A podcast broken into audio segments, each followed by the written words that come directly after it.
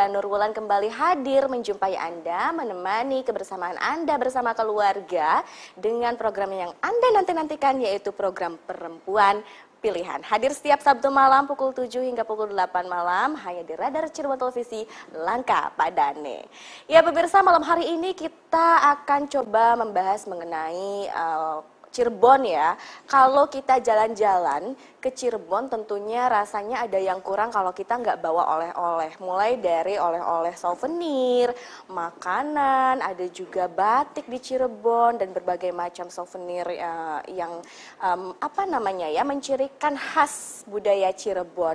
Nah salah satunya juga ada yang namanya oleh-oleh atau buat tangan seperti gerabah. Nah ngomong-ngomong gerabah di Cirebon sendiri ada salah satu desa yaitu sebagai sentra pengrajin gerabah. Kalau anda sempat jalan-jalan di sana, banyak sekali rumah-rumah yang dijadikan sentra untuk uh, membuat produk, eh bukan membuat produk ya, maksudnya membuat kerajinan tangan yang berasal dari uh, tanah liat. Nah ini juga bisa uh, menjadi salah satu oleh-oleh Anda kalau Anda jalan-jalan di Cirebon, Jawa Barat.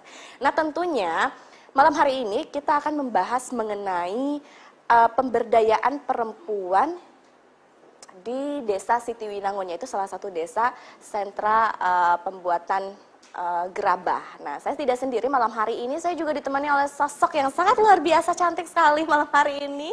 Cantiknya luar biasa menandingi saya, oh my God.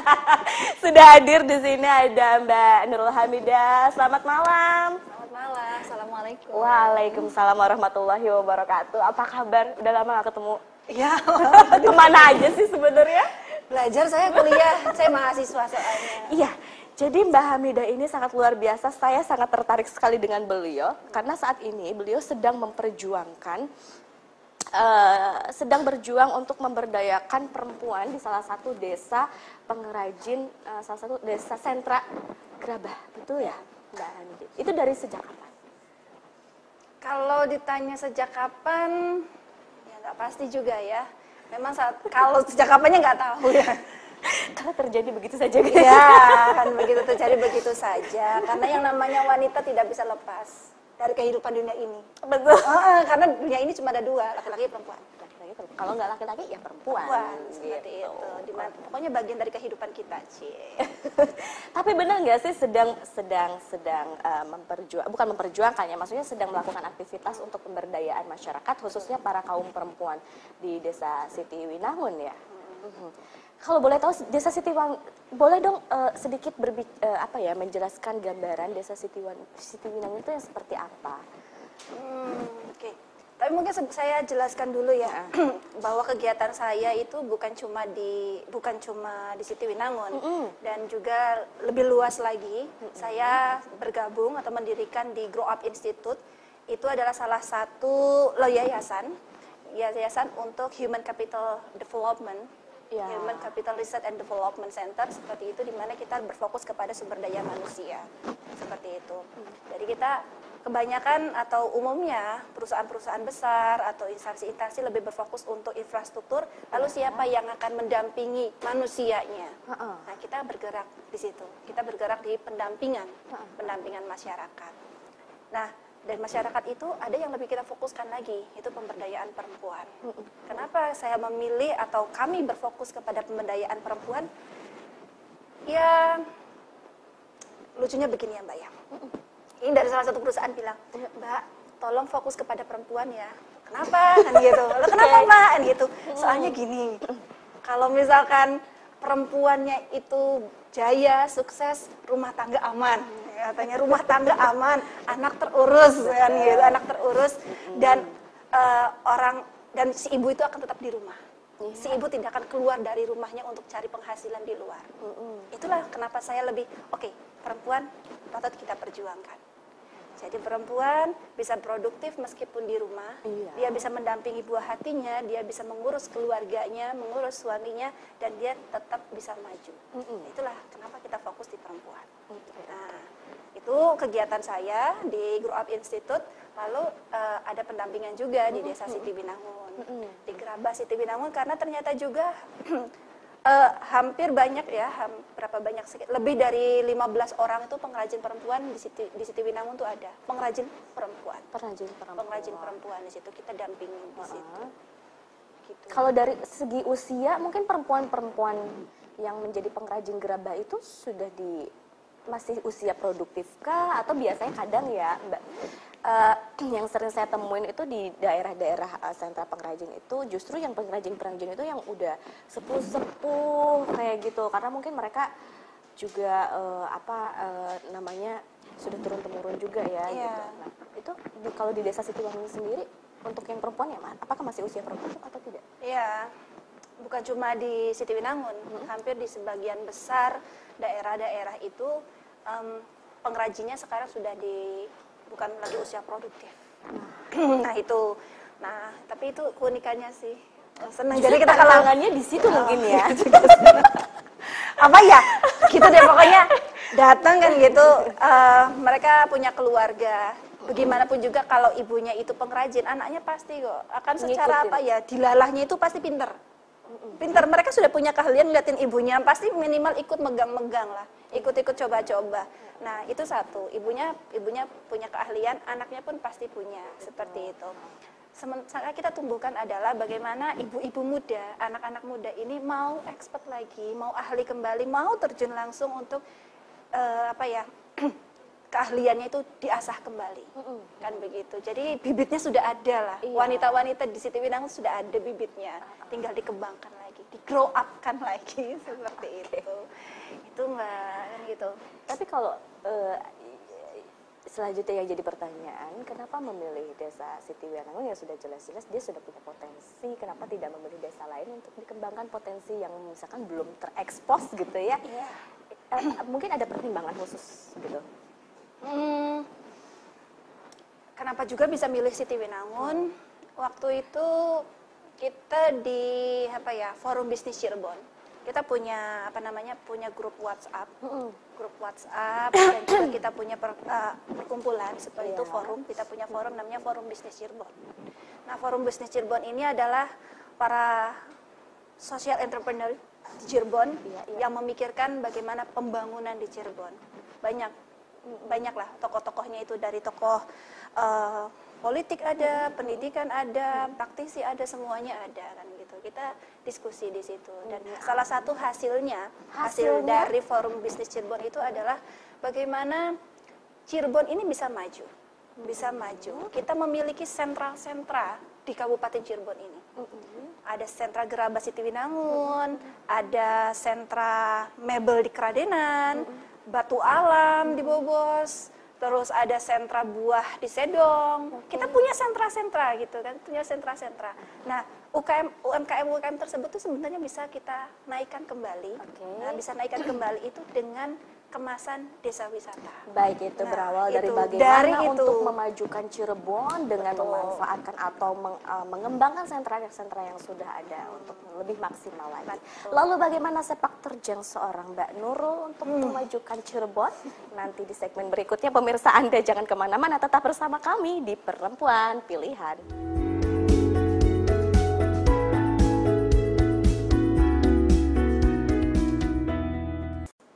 Awal mengapa Desa Sitiwangi ini menjadi pilihan untuk Mbak Nurul untuk uh, apa namanya dikerahkan? Atau uh, pemberdayaan perempuannya ini adalah salah satunya tadi ceritanya berangkat dari salah satu forum bisnis entrepreneur. Dan akhirnya di situ tercetuslah bahwa Desa Sitiwinangun adalah salah satu uh, desa wisata yang uh, menjadi pilihan untuk uh, di, di, di, didampingi begitu ya betul, Mbak Nurul ya. Jadi kan mm, jadi kita lihat semua potensi-potensi tersebut bahwa hmm. di Cirebon sudah kita petakan, kita yeah. mappingkan hmm. seperti itu. Lalu uh, Siti Winangun yang yang punya potensi, hmm. yang paling siap dan yeah. juga semuanya mendukung, terutama dari pemimpinnya seperti itu dari Pak Punya sendiri mereka siap seperti itu. Jadi Siti Winangun ini adalah pilot project untuk pengembangan desa wisata di Kabupaten Cirebon. Okay. Seperti itu saya masuk di situ karena forum bisnis mendampingi terus menerus dari tahun 2016 sampai sekarang didampingin terus kita dampingin wilayahnya mana mana mana seperti itu kan wilayah praktisi ada di pendampingan pariwisatanya lalu saya ya kebetulan gitu ya ya ikut masuk di dalamnya lebih fokus untuk pengembangan perempuannya juga. Oke. Setelah selama ini yang sudah dilakukan uh, dalam bentuk kegiatan itu seperti apa, Mbak? Bes, uh, kita per, kita sudah mendapatkan bantuan dari CSR program CSR-nya Telkom Indonesia PT hmm. Telkom Indonesia itu untuk pemberdayaan perempuannya hmm. pengrajin wanitanya ya, seperti ya. itu jadi kita sudah dapat bantuan dari PT Telkom Oke, okay, seperti itu. pengrajin wanitanya. Mungkin dalam bentuk penyuluhan atau mungkin pelatihan begitu ya? Banyak hal sih. Mm-hmm. Pokoknya prinsipnya dari selama yang saya dapatkan pendidikan di Universitas Gajah Mada itu hati-hati dengan perasaan seseorang apalagi perempuan. nah, gitu. Hati-hati dengan nasib masyarakat. Iya. Jadi kalau kita sudah masuk ke dalamnya, sudah memberikan pelatihan-pelatihan, pendampingan-pendampingan, jangan dilepaskan begitu saja. Dari awal sampai akhir harus diikutin. Seperti itu. Kalau mereka sudah kita berikan pelatihan, kita berikan modal, kita harus dampingi juga ke mana ini marketnya, okay. bagaimana cara mengelolanya, terus menerus sampai mereka kuat, barulah kita lepaskan. Seperti itu. Oh, Jadi kalau pendampingan Jadi, bukan cuma penyuluhan-penyuluhan semata, yeah. tapi terus continuity, continuity gitu ya sampai bagaimana? kita anggap mereka kuat uh -huh. kita mandiri baru akan kita terus mundur-mundur dan biar mereka berjalan sendiri baik ya. Jadi konsepnya seperti kita melatih seorang anak kecil berjalan begitu ya. Sabar gitu sabar mas, sekali ya. gitu, kan, hmm, ya. tapi ngomong-ngomong nih kalau saya pribadi uh, pernah juga mendengar nih uh, salah satu potensi desa wisata Siti Winangun itu adalah penghasil gerabah dan kan, konon katanya apakah ini betul atau tidak saya nanti tanyakan lagi sama Mbak. Hmm. ini katanya si gerabah ini sudah go internasional sudah maksudnya sudah diimpor uh, sudah diekspor ke luar negeri begitu. Apakah betul Hmm, jadi sepengetahuan saya karena melakukan penelitian di Desa Sitiwinangun, hmm. keunikannya saya jelasin dulu keunikannya ya, Sitiwinangun. Pertama, industri gerabah di Pulau Jawa uh. itu adalah Sitiwinangun yang paling tertua industri. Oh, jadi sejak jadi Sitiwinangun itu sudah ada para penduduknya bisa membuat gerabah sebelum Cirebon ini ada. Oke. Okay. Oke. Okay. Tua banget. Tua Dan banget. sampai sekarang uh -huh. itu wilayahnya masih ada, pengrajinnya pun masih sama. Okay. Terus menerus. Uh -uh. Dari nenek moyang kita ya, uh, sebelum iya. Cirebon ada. Uh. Nah itu, itu kekuatannya, kekayaan yang dimiliki oleh Siti. Uh mm-hmm. -huh. Yang belum saya lihat di Pulau Jawa ini ada. Iya, iya. Nah seperti itu, ada nilai di situ. Betul. Itu yang kita jaga. Nah kita jaga lah. Uh, Siti pernah mengalami mati suri karena uh, ada uh, apa, ya, gempuran dari produk-produk impor mm-hmm. berupa plastik dan piring uh, uh, porselen seperti itu sehingga gerabah ini turun mati suri. Kenapa? Daya inovasinya itu belum tumbuh belum tumbuh dari masyarakat. Nah, sendiri. seperti itu. Nah, sekarang itu dihidupkan kembali. Mm-hmm. Dihidupkan kembali. Metodenya dengan seperti apa? Yang pertama itu pertama adalah uh, kita rubah. Kita rubah yang dulunya adalah produk-produk rumah tangga, sekarang menjadi produk-produk penilai seni seperti pas bunga seperti mungkin seperti ya. itu. Pokoknya gentong gitu kan. Kita pokoknya si Pinang tuh memiliki kekhasannya sendiri. Warnanya coraknya tingkat kehalusannya motifnya itu milik Siti Winangun seperti itu. Jadi uh, kami para akademisi mengkhawatirkan jangan sampai ke ciri khasan Siti Winangun ini hilang. Seperti apa sih mbak? Ah, ciri khasnya? ciri khasnya kayak semacam motif mega ada motifnya yang motif daun uh -huh. seperti itu hewan-hewan mitologi ya, seperti iya. itu. Nah itu itu, itu yang menjadi value-nya. Nah, seperti itu. Sementara daerah-daerah lain seperti uh, Kasongan, terus Pleret itu mereka sudah nilai artistiknya tinggi, disesuaikan dengan keinginan produsen. Mm -hmm. Mereka bisa membuat produk-produk dari mana pun dengan motif mana pun itu bisa tapi kita menjaga Siti Winangun tetap dengan ciri khasnya, ciri khasnya. seperti okay. itu. Jangan, mohon saya bilang, jangan tercampuri lah. Mm-hmm. Seperti ini, ini kan alami. Orisinil ya, Orisinil ya. akan gitu. Jadi kita jual ke orisinilan tersebut. Nah seperti itu. Kalau misalkan ekspor, uh, saya ke Kementerian Perindustrian, mm-hmm. ke Kementerian Perindustrian, uh, gerabah di Indonesia ini masih butuh usaha yang sangat luar biasa untuk bisa masuk ke wilayah ekspor. Iya. Seperti iya. itu. Karena cukup rentan juga, cukup rentan seperti itu. Cukup rentan dan memang harus apa ya? Lebih semangat lagi lah. Beda dengan kata-kata dinas perindustri uh, Kementerian Perindustrian uh, uh. beda dengan perhiasan yang satu kotak itu sama dengan satu kontainer gerabahan gitu. Uh, oh iya iya iya. Seperti itu memang harus kita buat. Kalau enggak biarkan orang luar negeri yang beli sendiri ke kita. Betul. Nah, ya, yeah, daripada yeah, ekspor yeah. datang saja langsung. Oke okay, oke. Okay. Gitu aja. Berarti kalau pemberdayaan perempuannya sendiri dari mulai penyuluhan, pelatihan atau edukasi kepada masyarakat sendiri yaitu mungkin menanamkan nilai-nilai ciri khas yang ada di uh, Siti Winangun yaitu seperti hmm. tadi ya ciri khas-ciri khas seperti pakem ah bukan pakem uh, gurat-gurat, motif-motif gitu seperti itu. Uh -uh. Ya, yang paling pertama meyakinkan kepada masyarakat, kepada ibu-ibu pengrajin wanita seperti itu bahwa anda harus bangga menjadi bagian dari pengrajin Siti Winangun termasuk pelestari budaya so juga. Why? Begitu kita tenangkan dulu rasa kebanggaan dalam diri mereka bahwa menjadi seorang pengrajin gerabah ya istimewa. Hmm. Belum tentu daerah lain bisa sekuat ini mempertahankan gerabah pengrajin gerabah di sebuah industri gerabah tertua di hmm. Pulau Jawa. Itu yang paling utama ditumbuhkan dulu kerasa banggaan. Betul. Itu salah satunya. Satunya yang lainnya mungkin dari sisi pemasaran mm -hmm. atau mungkin uh, promosi begitu mm -hmm. apa yang sudah dilakukan mbak? Bukan sudah dilakukan sih, sama kita akan terus melakukannya, mm -hmm. sedang melakukannya juga.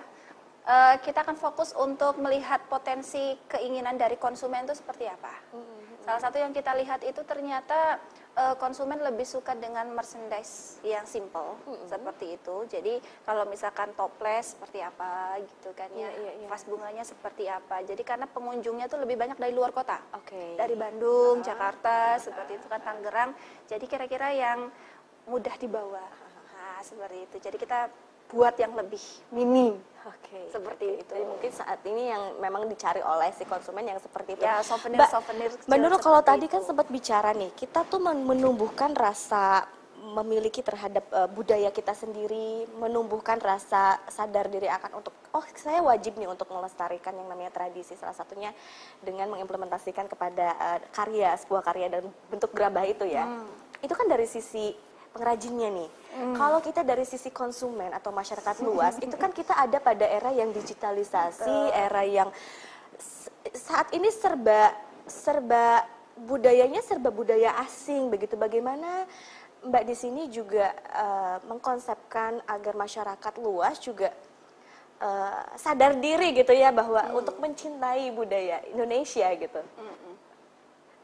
Banyak loh Mbak sekarang anak-anak di luar sana yang aduh ngapain ya beli beli barang-barang yang kuno katakan kuno begitu yeah. sekarang ada loh barang-barang yang lebih kekinian yang lebih milenial bisa didapatkan di mana aja Betul. gitu nggak harus susah carinya itu gimana tuh untuk uh, apa ya namanya uh, solusi menghadapi uh, fenomena seperti itu hmm. si milenial ya si milenial ini oh, gitu. iya ini si milenial Gusti iya kita lihat dari sisi milenial ini yang akan kita tarik adalah uh, pengalaman diri langsung. Hmm, yang akan kita sentuh dari para milenial ini adalah pengalaman diri langsung. Oke. Okay. Okay. Semua bisa didapatkan, hmm. semua bisa dibeli. Tapi apakah pengalaman bisa dibeli? Tidak, harus terjun langsung. Oh, okay. Seperti itu.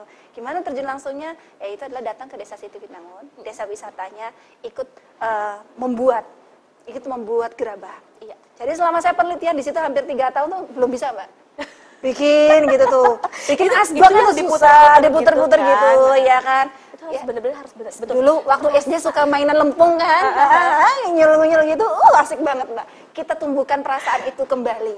Mbak juga harus main ke sana ya. Main-main gitu kan? Nah, seperti itu. Jadi okay. milenial pun sama. Mm-hmm. mereka suruh ikutan suruh ikutan bahwa ternyata untuk membuat satu produk itu nggak mudah. Mm. nggak mudah kan gitu. Bagaimana membuat satu uh, kendi atau asbak saja itu sulit sekali. Okay. Kalau sudah itu sudah mereka lakukan, oke, okay, baru dia akan bisa oh ternyata untuk membuat seperti ini dengan harga sepuluh ribu nggak uh -uh. sesepadan nggak sepadan kenapa karena dia akan merasakan oh pembuatannya seperti ini dibawanya seperti ini diolahnya seperti ini mm. ada tangan-tangan di situ mm. ada proses yang sangat luar biasa Baik, kita akan segera kembali lagi tentunya bicara mengenai pemberdayaan perempuan di Desa Siti Winangun. Seru sekali perbincangan saya dengan Mbak Nurul luar biasa. Anda jangan ke mana-mana, tetap bersama kami di Perempuan Pilihan.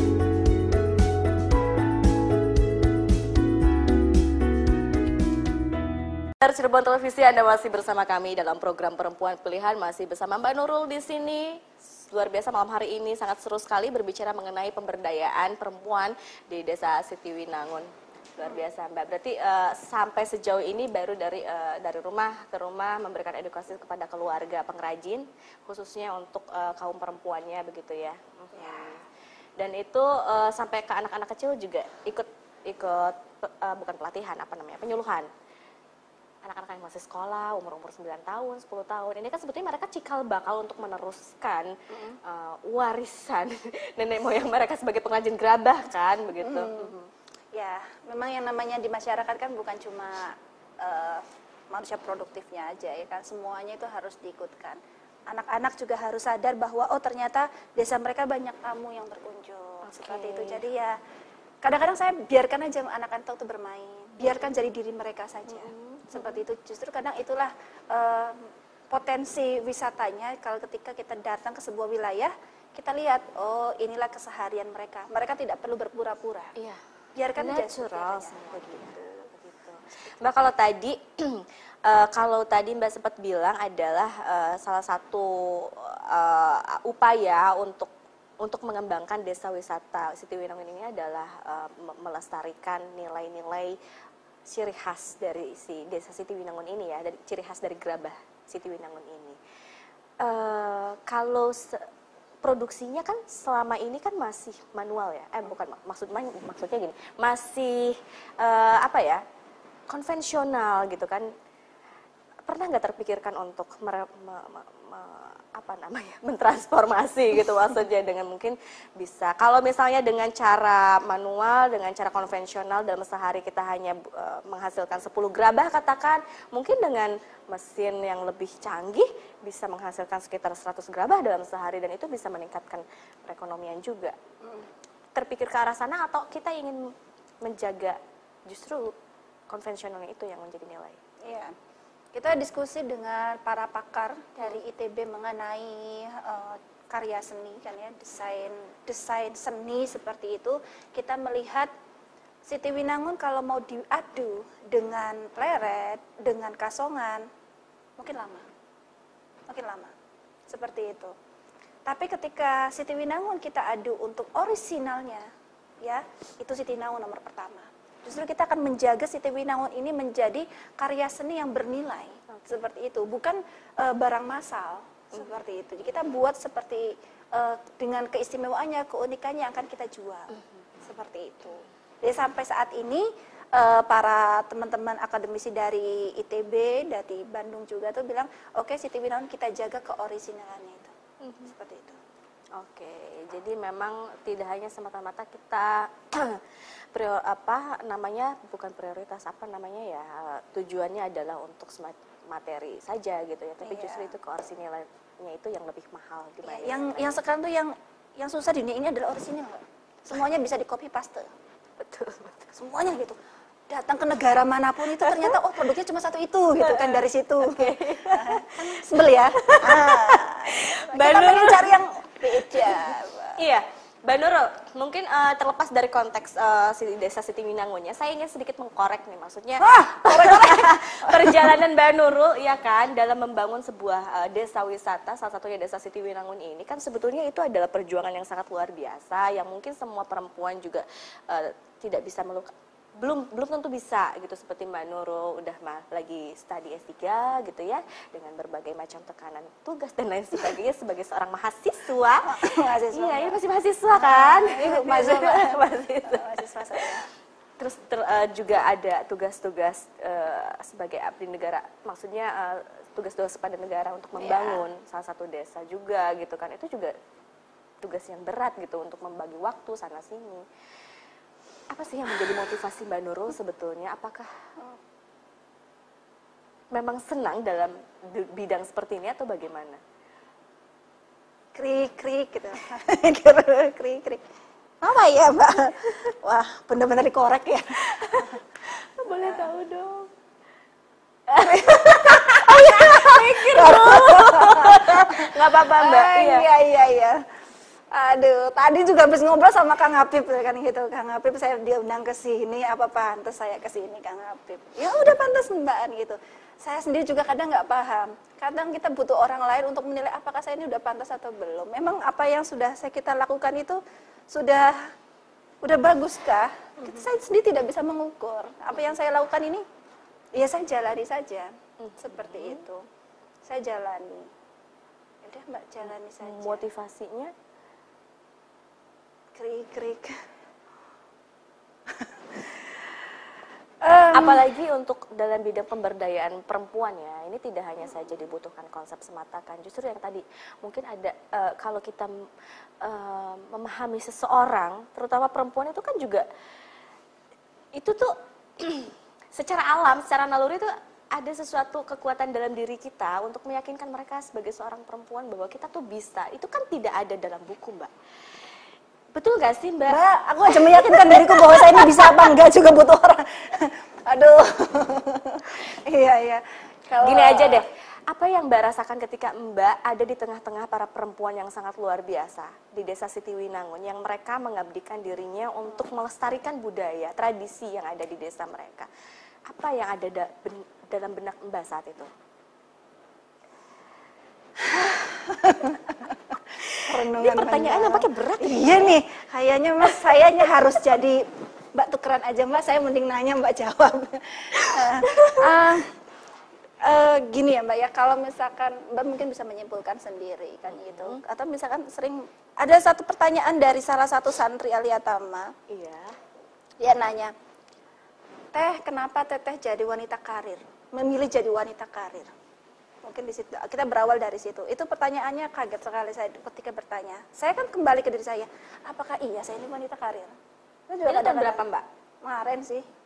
Tahun lalu? Saya ya. tahun yang lalu lah dia kan begitu. Itu membuat saya merenung apakah saya ini wanita karir? Kan hmm. begitu siapa sih wanita karir itu? Kan begitu.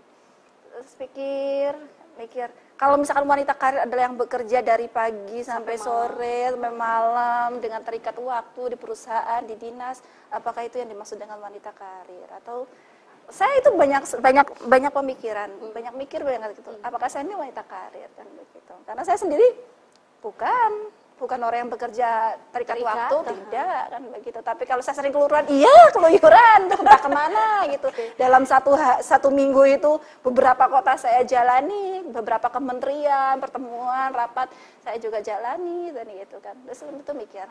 Tapi akhirnya setelah perenungan gitu ya -hmm. perenungan terus mikir oh iya entah itu dinamakan wanita kaya atau bukan tidak semua wanita tidak semua wanita memiliki kesempatan untuk bisa meyakinkan kepada halayak, mm. meyakinkan kepada semua orang bahwa kita bisa menjadi suara bagi para wanita lainnya, yeah. atau semua golongan yang ada di di lingkungan kita untuk disampaikan ke muka publik.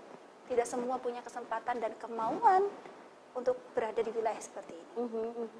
Kalau ternyata Allah memberikan saya kesempatan bahwa Nurul kamu punya kesempatan untuk bisa bertemu dengan orang ini, hadir di event ini, ya, ya kamu manfaatkan. Sebetulnya aja. Tidak semua orang memiliki kesempatan itu. Dan ya, kalau begitu, saya gunakan kesempatan ini, peluang ini dengan sebaik-baiknya. Itu aja. Mm. Jadi, dan kenapa kok saya bisa warawiri, bolak-balik, harus ke Siti Winangun, ke lokasi lain seperti itu, mm-hmm. tidak lepas dari peran keluarga. Iya. Kalau keluarga tidak merestui, nggak akan enak. Kalau gimana pun kita pergi mendukung sekali dengan aktivitas Mbak Nurul saat ini ya, maksudnya ibunda uh, mendukung, uh, muter ke mana-mana gitu kan mungkin dalam hampir waktu seminggu juga kan bisa iya. beberapa kota yang bisa Mbak Nurul sambangi. Kalau anak bagaimana? Ah itu untuk menjadi seorang ibu ini enggak tentunya untuk menjadi seorang ibu yang sangat aktif luar biasa, aktivitasnya di luar sana cukup padat, justru ini adalah bukan sesuatu yang mudah untuk pada akhirnya kita meyakinkan kepada anak kita bahwa uh, ini loh ibu, ketika ada bersama kamu, ya ini juga sebuah pengorbanan juga. Kadang anak masih belum paham dengan aktivitas kita, apa yang kita lakukan.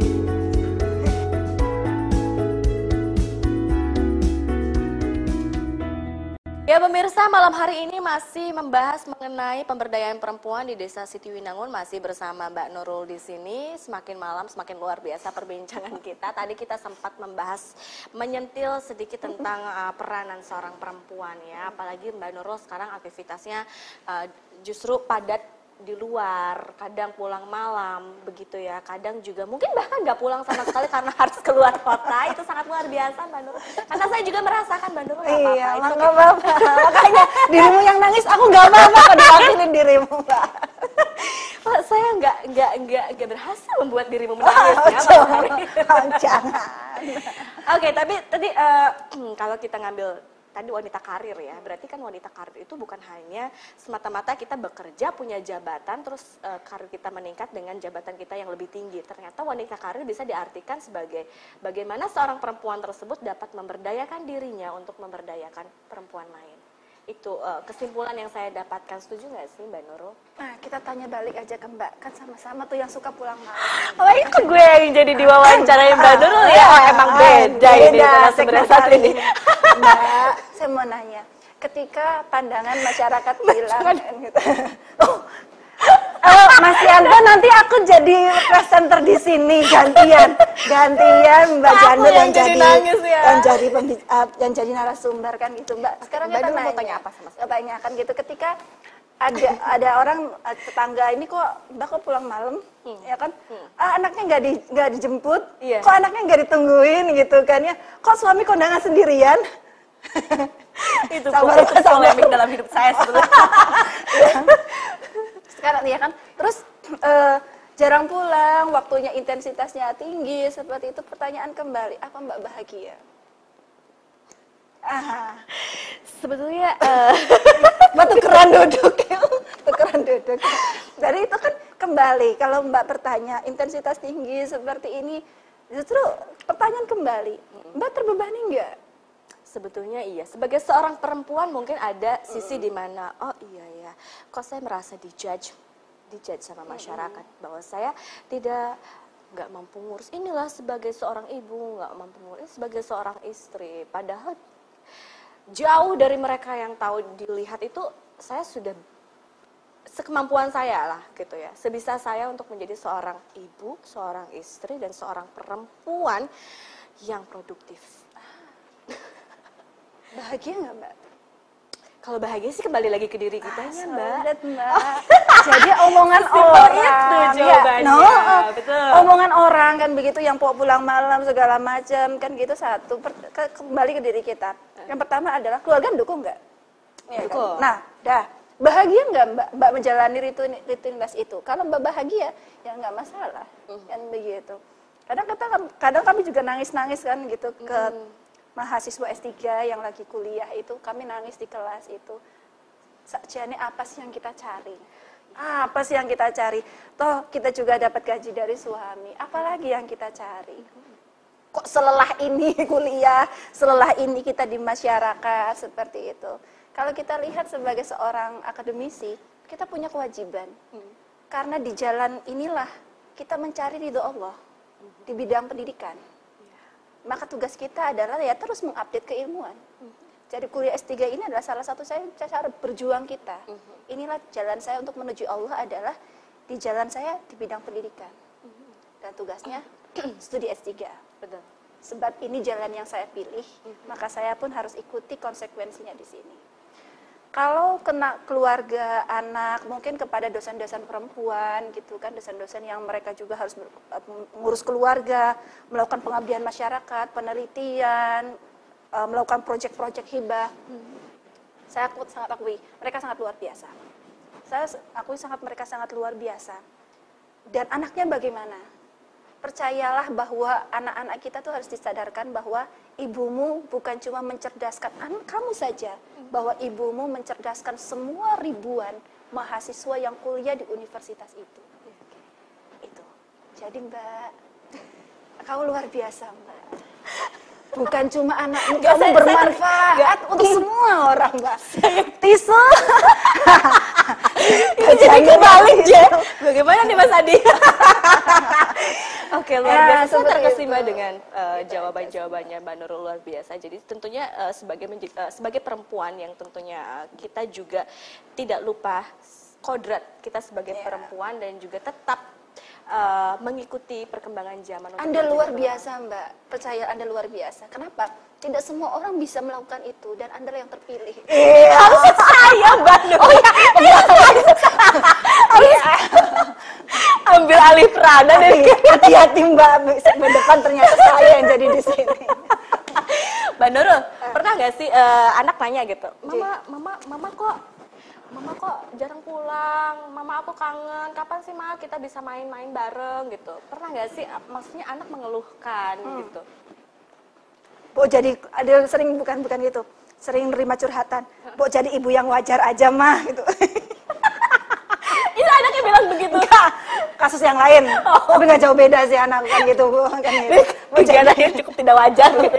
Bu jadi Bu jadi keluarga yang wajar gitu loh Bu katanya kan gitu. Jadi keluarga yang wajar, istri di rumah nungguin segala macam. Oke. Tapi kembali loh Mbak, kenapa saya memilih jalanan ini justru saya lebih lebih nyaman ketika saya bisa mengatur jadwalku sendiri. Saya nggak mau diatur jadwal oleh orang lain. Ketika wayahnya anak sakit, saya menunggu anak itu santai gitu kan, tidak harus tolong deadline deadline deadline nunggu. Ini duniaku. Iya. Mbak ciptakan duniamu sendiri. Jangan kau ngikutin dunia yang lain. kan, Gitu. Ini duniaku seperti itu. Wayahnya saya harus keluar kota. Oke, saya mau keluar kota. Berarti eh, saya mau keluar kota berarti tanggal sekian sampai tanggal sekian berarti kegiatan sekian sekian sekian. Nah, itu jadi aku aku yang mengatur sendiri kan gitu. Saya menciptakan dunia aku sendiri. Gak mau diatur. Justru enak loh Mbak. Enak itu menurut saya. Mas suka-suka Smart gue. sekali Mbak Nurul ini ya, karena memang punya tidak ingin diatur, jadi akhirnya menciptakan dunia sendiri. dunia sendiri saya nggak mau dunia. jadi kalau misalkan eh, nggak tahu ya nih jangan kedengeran orang ya jadi ya. Kalau misalkan saya dikasih jabatan nggak mau saya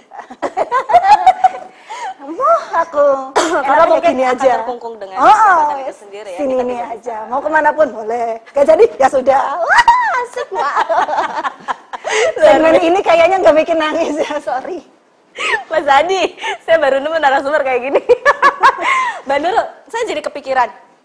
Eh, oh jadi banyak ketawa ya segmen Iya. ini ya oh ya sudah Apakah ini juga yang disampaikan oleh eh, kepada para ibu-ibu pengrajin di Desa Sitiwinangun sana ketika Mbak Nurul memberikan motivasi kepada perempuan di Desa Sitiwinangun. Bagaimana Mbak Nurul memberikan pemahaman bahwa ini loh kita itu ada di, di salah satu desa yang konservatif. Tapi kan bukan berarti kita juga harus menjadi SDM yang konservatif juga. Kita harus terbuka dengan dunia baru yang ada di luar sana. Itu bagaimana mem- eh, memberikan motivasinya. Sementara mereka ada di dunia yang betul-betul konservatif itu tadi. Gak apa-apa mbak. Yang penting mereka bahagia. Itu aja. Kalau kita kerja, mbak gak bahagia, ngapain? Cip- pokoknya membuat apa pun mbak, bukan cuma para pengrajin, mbak-mbak yang di sini ya, yang lagi ngelamun mbak, lagi ngelamun. ya kan gitu. Mbak ninggalin dari Indramayu ke Cirebon, kan begitu ya. Ibu-ibu kan begitu, ada yang aku mah di rumah aja, yang lain mah keluyuran, Mbak Nurul, oh ternyata udah di Jepang. Gak apa-apa mbak, bahwa kita hidupnya buat bahagia apa-apa. Jadi saya cuma mengingatkan kepada apa pun yang kau lakukan itu bahagialah. Kau itu bahagia. Yang terpenting adalah bahagia dari diri kita sendiri. Kalau diri kita sendiri sudah bahagia, insya Allah kita akan memberikan energi-energi positif kepada orang-orang di sekeliling kita. Syarat utama di desa wisata adalah bagaimana masyarakatnya, pemilik desa tersebut, jangan sampai desa wisata, tapi masyarakatnya udah, aduh nggak nyaman nih, aduh nggak enak nih, kan gitu. Kok tiap hari dalang dalang wayang terus kan gitu, nggak nyaman, dangdutan terus, organ tunggalan terus nggak nyaman kan gitu, nggak, jangan. Karena syarat utama desa wisata itu adalah bagaimana masyarakatnya itu senang, bahagia, sehingga menyambut kedatangan tamu-tamu pun harus bahagia. Jadi bahagia toh, Iya. Nah, seperti itu. Itu salah satu syarat utama desa wisata. Nah, Saya dapat pembelajaran- Pengrajinnya pun harus bahagia. Ah, Betul sekali. Kalau misalkan eh, pengrajin sudah tidak bahagia, bagaimana dia bisa membentuk Baik. atau mem- membuat karya yang sangat luar biasa Betul. kan? Yang Saya dapat penting bahagia. pembelajaran. bahagia. Mbak di sini pun bahagia. Mas Adi udah ketawa-ketawa. Oke, nanti lagi Mbak. Saya intinya saya mendapatkan pembelajaran yang sungguh luar biasa. Ternyata untuk menjadi seorang perempuan yang kekinian itu tidak harus kita uh, dengan mm, apa berpakaian. Oh tahan nafas kayak gini kan tahan ya? nafas tahan nafas begitu ya. Oh ternyata dari mindset dan pola pikir kita harus kekinian. Bukan berarti kita dari segi, sisi luarnya aja. Tapi dari dalam dirinya kita harus kekinian begitu ya. Kekinian yeah. itu yang tadi bahagia, bahagia. jadi diri sendiri yang nantinya akan memberikan dampak positif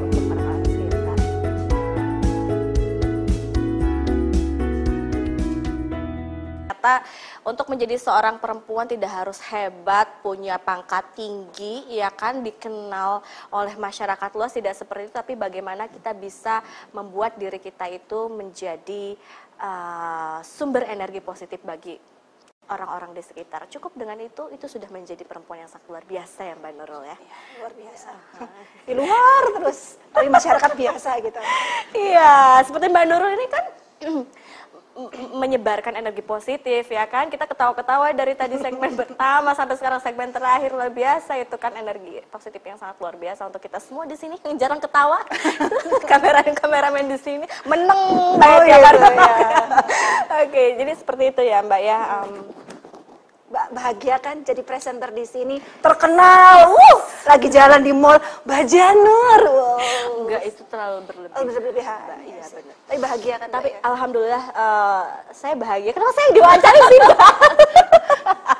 kan intinya itu tuh. Saya bahagia dengan peranan saya seperti ini, bisa memperkenalkan perempuan hebat seperti Mbak Nurul, yang saya harapan besar saya sebagai uh, uh, hostnya perempuan pilihan ini, ini dapat menjadi sosok yang menginspirasi untuk Anda, motivasi untuk Anda para perempuan yang ada di rumah, ya untuk bisa memberdayakan dirinya sendiri untuk memberdayakan perempuan-perempuan lain. Bayangkan ini hmm. baru satu nurul, bagaimana kalau di Indonesia ini ada puluhan nurul yang bisa membangun daerah uh, wisata dari sisi pemberdayaan perempuannya. Berapa banyak perempuan yang merasa terbantu untuk memberdayakan dirinya. Betul, Betul Mbak Nurul. Jadi mungkin ya Mbak ya.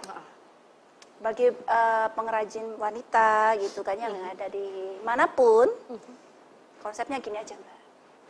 Low profile high profit Asik.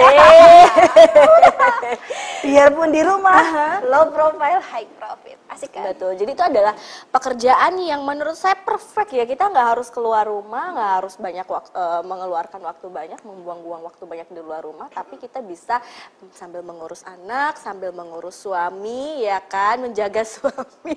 menjaga suami, suami dikurusin gitu ya mbak. Ngurus suami berarti suami dikurusin. Dikurusin. enggak juga. Oh, enggak. Ngurus suami. Iya, jadi kita bisa melakukan uh, berbagai aktivitas kita sebagai seorang perempuan uh, tanpa harus mengurangi kita kodrat kita sebagai seorang perempuan, tapi kita juga menjadi perempuan yang sangat luar biasa ber karir gitu tadi menurut Mbak ya. Kita Aduh, produktif. Itu jangan bilang karir-karir deh Mbak. Kan karir itu nggak harus nggak harus jabatan kan bener nggak Mbak? Iya. Karir itu bagaimana kita bisa bermanfaat untuk nah. masyarakat di luar sana emang bener sih Mbak. Yang iya. di sini yang bisa dianggap bahwa kita wanita pilihan. Hmm. kita kita wanita pilihan. Karena amanah besar masalah besar dia datang kepada orang besar jadi kalau Mbak mendapatkan amanah untuk duduk di sini, mau wawancarai orang-orang hebat, malam hari, harus pulang malam, berarti Anda memang orang hebat, Mbak. Masalah besar nggak semua orang loh mau keluar rumah malam-malam kan, iya kan begitu. Berarti Anda Anda orang hebat. Luar biasa Betul, ya, tentunya uh, mudah-mudahan nih semangat kita juga bisa disebarkan kepada perempuan lain di luar sana. Mbak, ada pesan nggak untuk perempuan-perempuan di luar sana? Ilmu aja deh. Ah, jangan. Gak, jangan orang. saya. Kalau saya udah udah udah biasa nih ya, saya oh, ngasih gitu. pesan sama perempuan dewasa takutnya bosen. Ah, Langsung dari perempuan pilihan malam hari ini ada pesan yeah. yang sangat luar biasa untuk pemirsa di rumah. Ya mungkin sekarang lagi peluk-pelukan sama anaknya, lagi rende-rendean sama suaminya. Ya nggak ada salahnya kita dengarkan kuat dari sosok yang sangat luar biasa. Hai Mas Afif. udah ketawa-ketawa aja. Kang Habib tahu gilanya saya. Jadi ketika Kang Habib ke sini serius terus jadi wanita pilihan. Oh, salah orang kali ini. Hmm, ini luar biasa memang. Uh, gini, bukan itu ya Mbak ya. Mungkin pesan buat saya secara pribadi hmm. mungkin ke Mbak Janur gitu Mbak. ketika ada orang-orang yang nyinyir seperti itu, kok kamu gitu sih, kok kamu gini sih, cukup komennya gini aja mbak. Kalau tidak tahu pada awalnya, jangan berkomentar pada akhirnya. Iya. That's right. So simple quote. Sudah itu aja. Sudah itu aja. Eh, saya tegaskan lagi. Jadi intinya Coba, coba, adalah coba, menjadi perempuan masa kini itu adalah yang memiliki mindset yang eh, tidak pernah eh, terpengaruh dengan ion-ion negatif yang ada di sekitarnya. Luar biasa loh. Saya- Mbak Janur luar biasa. Saya bukan dosen kimia, bukan gitu ya. Tapi Pakai ion-ionnya. pakai ion iya. Tapi intinya bagaimana kita bisa uh, menciptakan energi positif dalam diri kita. Kalau kitanya bisa bahagia, otomatis uh, energi-energi negatif yang ada di sekitar kita juga hilang. Betul, seperti itu. Seperti itu. Jadi Yakinkan dirimu bahwa ini pilihan yang terbaik, kau bahagia. yakinkan diri Anda bahwa jalan yang Anda pilih saat ini, perempuan yang ada di luar sana, Anda perempuan-perempuan hebat yang ada di rumah yang saat ini sedang menyaksikan perempuan pilihan, jangan pernah menyesali pilihan Anda yang Anda pilih saat ini karena dengan pilihan Anda ini Anda- akan menjadi tadi apa Mbak? Akan menjadi kuat dan akan menjadi bahagia. Bahagialah untuk diri Anda sendiri baru Anda akan mendapatkan membahagiakan orang lain, orang-orang di sekitar Anda. Terima kasih loh Mbak Nurul, malam hari ini luar biasa. Ini adalah pembelajaran dan pengalaman buat saya pribadi tentunya. Terima kasih sudah membuat saya tertawa dari segmen awal sampai dengan segmen akhir, membuat kru-kru di sini juga sumringah. Yang biasanya kayak Arca diem aja. Oh iya, Sekarang udah mulai gerak-gerak nih. Manusia, Nurul. manusia. Gak apa-apa ya, seneng ya dengan adanya Mbak Nurul. Mbak Nurul eh, tentunya saya harapkan nggak hanya malam hari ini aja Mbak Nurul ada di perempuan pilihan. Suatu saat kalau Eh, gimana kalau saya menggantikan Mas Apip aja? sekali-kali sekali-kali suruh dia sekali-kali jadi coba kita jadi eh, Mas Apipnya jadi narasumber. Ah, Kita keroyok berdua. Baik Mbak Nurul, terima kasih sukses terus untuk eh, proyeknya ya di Desa Siti Winangun. Ajak-ajak saya ke sana karena saya belum pernah juga ke sana. Ah, boleh, boleh, boleh, boleh. Pemirsa, terima kasih juga buat Anda yang setia di Perempuan Pilihan dari segmen awal tadi sampai dengan segmen akhir. Jangan lupa loh, saksikan terus Perempuan Pilihan setiap Sabtu malam pukul 7 hingga pukul 8 malam dengan narasumber yang luar biasa, tangguh dan menginspirasi. Saya Janurulan dan seluruh kerabat kerja yang bertugas pamit undur diri. Wassalamualaikum warahmatullahi wabarakatuh. Sampai jumpa minggu depan.